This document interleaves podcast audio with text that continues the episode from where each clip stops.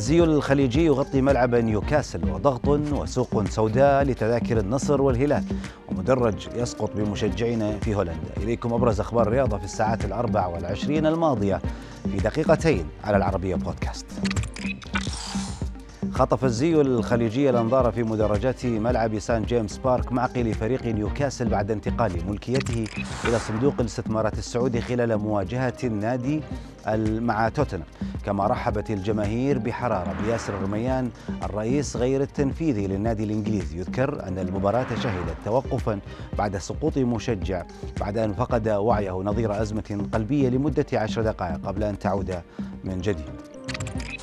فور تأهل النصر والهلال السعوديين إلى نصف نهائي دوري أبطال آسيا والحديث وحده عن المدرجات والتذاكر والملعب.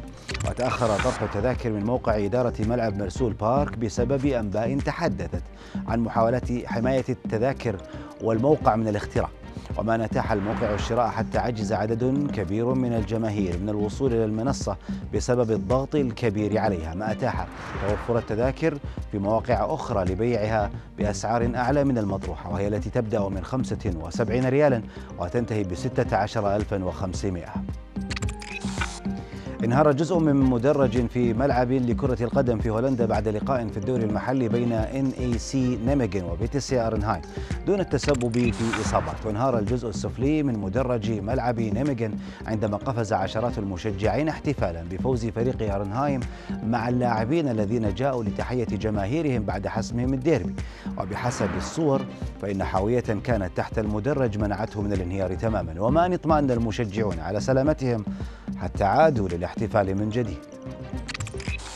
من الفقر إلى النجومية وعالم الأضواء والمنافسة على الأفضلية في العالم. هكذا تناولت صحيفة الصن الإنجليزية حارس تشيلسي السنغالي مندي.